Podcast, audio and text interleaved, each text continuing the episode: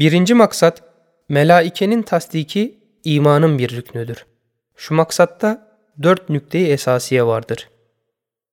Birinci esas, vücudun kemali hayatladır.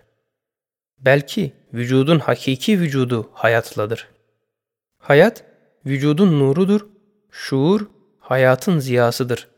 Hayat, her şeyin başıdır ve esasıdır.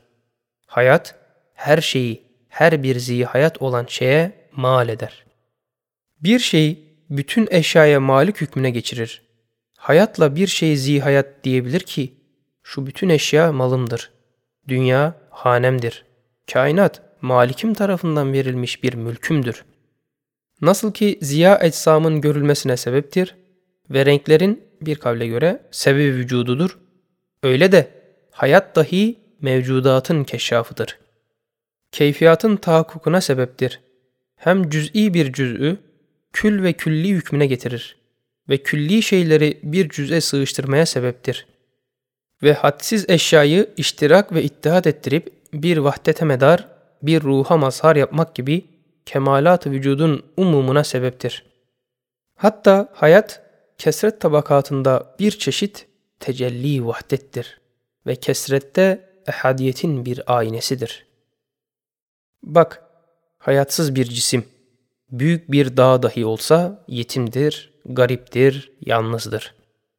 Münasebeti yalnız oturduğu mekanla ve ona karışan şeylerle vardır. Başka kainatta ne varsa o da nispeten mağdumdur. Çünkü ne hayatı var ki hayatla alakadar olsun. Ne şuur var ki taalluk etsin. Şimdi bak küçücük bir cisme. Mesela bal arasına. Hayat ona girdiği anda bütün kainatla öyle münasebet tesis eder ki bütün kainatla hususen zeminin çiçekleriyle ve nebatatlarıyla öyle bir ticaret akteder ki diyebilir. Şu arz benim bahçemdir, ticarethanemdir. İşte zihayattaki meşhur havas zahire ve batına duygularından başka, gayrı meşhur saika ve şaika hisleriyle beraber o arı, dünyanın ekser envaıyla ihtisas ve ünsiyet ve mübadele ve tasarrufa sahip olur. İşte en küçük zihayatta hayat böyle tesirini gösterse, elbette hayat tabakayı insani olan en yüksek mertebeye çıktıkça öyle bir imbisat ve inkişaf ve tenevvür eder ki, hayatın ziyası olan şuurla, akılla bir insan kendi hanesindeki odalarda gezdiği gibi, o zihayat kendi aklıyla avalim ulviyede ve ruhiyede ve cismaniyede gezer. Yani o zişur ve zihayat manen o alemlere misafir gittiği gibi, o alemler dahi o zişurun mirat ruhuna misafir olup irtisam ve temessülle geliyorlar.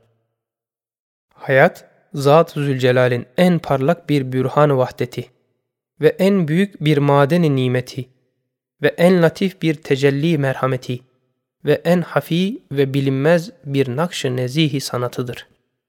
Evet, hafi ve dakiktir. Çünkü enva hayatın en ednası olan hayat-ı nebat ve o hayatı nebatın en birinci derecesi olan çekirdekteki ukde-i hayatiyenin tenebbühü, yani uyanıp açılarak neşv nema bulması, o derece zahir ve kesrette ve mevzuliyette, ülfet içinde, zamanı Adem'den beri hikmet-i beşeriyenin nazarında gizli kalmıştır. Hakikati hakiki olarak beşerin aklıyla keşfedilmemiş. Hem hayat o kadar nezih ve temizdir ki iki vecihi yani mülk ve melekutiyet vecihleri temizdir, paktır, şeffaftır. Deste kudret esbabın perdesini vaz etmeyerek doğrudan doğruya mübaşeret ediyor. Fakat sair şeylerdeki umuru hasiseye ve kudretin izzetine uygun gelmeyen napak kayfiyat-ı zahiriyeye menşe olmak için esbab-ı zahiriyeyi perde etmiştir. Elhasıl denilebilir ki hayat olmazsa vücut vücut değildir. Adem'den farkı olmaz. Hayat ruhun ziyasıdır, şuur hayatın nurudur. Madem ki hayat ve şuur bu kadar ehemmiyetlidirler ve madem şu alemde bil müşahede bir intizamı kamil ekmel vardır. Ve şu kainatta bir itkanı muhkem, bir insicam ahkem görünüyor. Madem şu biçare perişan küremiz, sergerdan zeminimiz, bu kadar hattı hesaba gelmez zevil hayatla, zevil ervahla ve zevil idrakla dolmuştur. Elbette sadık bir hatsla ve kat'i bir yakinle hükmolunur ki, şu küsur semaviye ve şu burucu samiyenin dahi kendilerine münasip zihayat, zişur sekineleri vardır. Balık suda yaşadığı gibi, güneşin ateşinde dahi o nurani sekeneler bulunur. Nar nuru yakmaz, belki ateş ışığa medet verir. Madem kudret-i ezeliye, bil müşahede en adi maddelerden, en kesif unsurlardan, hadsiz zihayat ve ziruhu halk eder ve gayet ehemmiyetle madde-i kesifeyi hayat vasıtasıyla madde-i latifeye çevirir ve nuru hayatı her şeyde kesretle serpiyor ve şuur ziyasıyla ekser şeyleri yaldızlıyor. Elbette o kadir hakim bu kusursuz kudretiyle, bu noksansız hikmetiyle, nur gibi, esir gibi ruha yakın ve münasip olan sair seyyalat-ı latife maddeleri ihmal edip hayatsız bırakmaz, camit bırakmaz, şuursuz bırakmaz.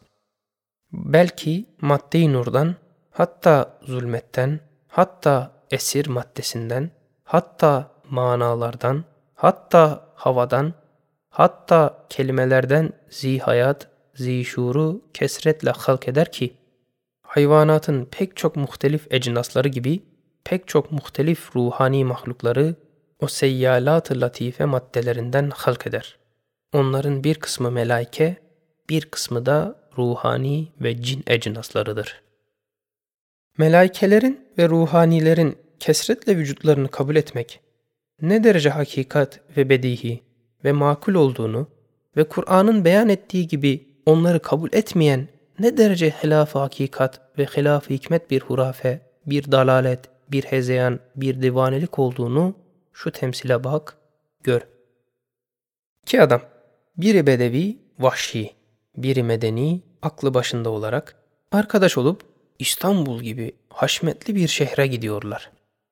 O medeni, muhteşem şehrin uzak bir köşesinde, pis, perişan, küçük bir haneye, bir fabrikaya rast geliyorlar. Görüyorlar ki o hane amele, sefil, miskin adamlarla doludur. Acip bir fabrika içinde çalışıyorlar. O hanenin etrafı da ziru ve zihayatlarla doludur.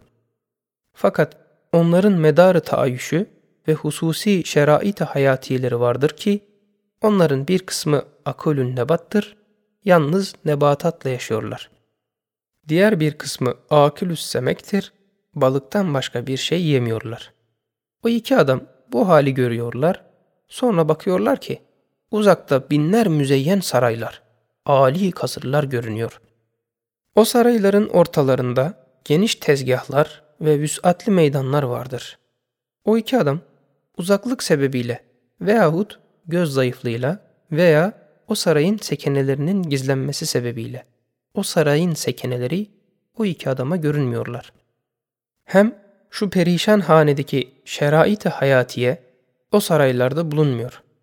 O vahşi bedevi hiç şehir görmemiş adam bu esbaba binaen görünmediklerinden ve buradaki şerait-i hayat orada bulunmadığından der. O saraylar sekenelerden halidir boştur, ziruh içinde yoktur, der. Vahşetin en ahmakça bir hezeyanını yapar. İkinci adam der ki, Ey bedbah, şu hakir, küçük haneyi görüyorsun ki, ziruhla, amelelerle doldurulmuş ve biri var ki, bunları her vakit tazelendiriyor, istihdam ediyor. Bak, bu hane etrafında boş bir yer yoktur. Zihayat ve ziruhla doldurulmuştur. Acaba hiç mümkün müdür ki şu uzakta bize görünen şu muntazam şehrin, şu hikmetli tezyinatın, şu sanatlı sarayların onlara münasip âli sekeneleri bulunmasın. Elbette o saraylar umumen doludur ve onlarda yaşayanlara göre başka şerait-i hayatiyeleri var. Evet, ot yerine belki börek yerler, balık yerine baklava yiyebilirler. Uzaklık sebebiyle veyahut gözünün kabiliyetsizliği veya onların gizlenmekliğiyle sana görünmemeleri, onların olmamalarına hiçbir vakit delil olamaz. Adem-i rüyet, adem vücuda delalet etmez. Görünmemek, olmamaya hüccet olamaz. İşte şu temsil gibi ecram-ı ulviye ve ecsam-ı seyyare içinde küreyi arzın hakaret ve kesafeti ile beraber bu kadar hadsiz ziruhların, zişurların vatanı olması ve en hasis ve en müteaffin cüzleri dahi birer menba hayat kesilmesi, birer mahşer hüveynat olması, biz zarure ve bil bedahe ve bit tarikil evla ve bil hadis sadık ve bil yakinil kat'i delalet eder, şehadet eyler, ilan eder ki, şu nihayetsiz fezai alem ve şu muhteşem semavat, burçlarıyla, yıldızlarıyla zişur, zihayat, ziruhlarla doludur.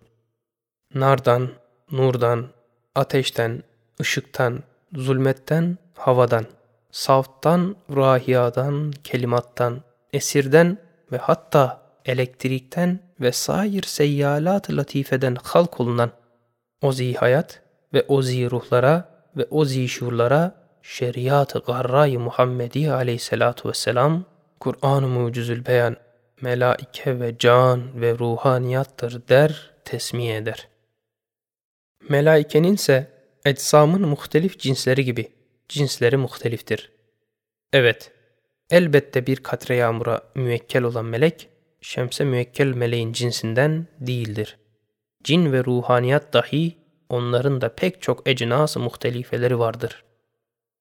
Şu nükte-i esasiyenin hatimesi. Bir tecrübe, madde asıl değil ki vücut ona müsahhar kalsın ve tabi olsun. Belki madde bir manayla kaimdir. İşte o mana hayattır, ruhtur. Hem bil müşahede madde mahdum değil ki her şey ona irca edilsin. Belki hadimdir, bir hakikatın tekemmülüne hizmet eder. O hakikat hayattır. O hakikatın esası da ruhtur. Bil bedahe madde hakim değil ki ona müracaat edilsin. Kemalat ondan istenilsin. Belki mahkumdur, bir esasın hükmüne bakar, onun gösterdiği yollarla hareket eder. İşte o esas hayattır, ruhtur, şuurdur. Hem biz zarure, madde lüb değil, esas değil, müstekar değil ki, işler ve kemalat ona takılsın, ona bina edilsin. Belki yarılmaya, erimeye, yırtılmaya müheyya bir kışırdır, bir kabuktur ve köpüktür ve bir surettir. Görülmüyor mu ki gözle görülmeyen hurdebini bir hayvanın ne kadar keskin duyguları var ki arkadaşının sesini işitir, rızgını görür, gayet hassas ve keskin hisleri vardır. Şu hal gösteriyor ki maddenin küçülüp inceleşmesi nispetinde asar hayat tezayüt ediyor. Nuru ruh teşeddüd ediyor.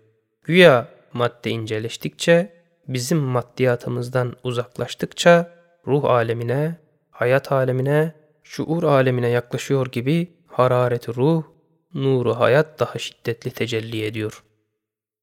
İşte hiç mümkün müdür ki bu madde perdesinde bu kadar hayat ve şuur ve ruhun tereşşuhatı bulunsun, o perde altında olan alemi batın, ziruh ve zişurlarla dolu olmasın.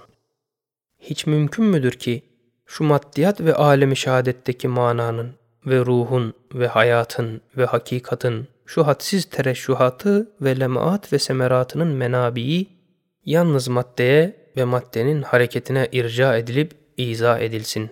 Haşa ve kat'a ve asla bu hadsiz tereşşuhat ve lemaat gösteriyor ki şu alemi maddiyat ve şehadetse alemi melekut ve ervah üstünde serilmiş tenteneli bir perdedir.''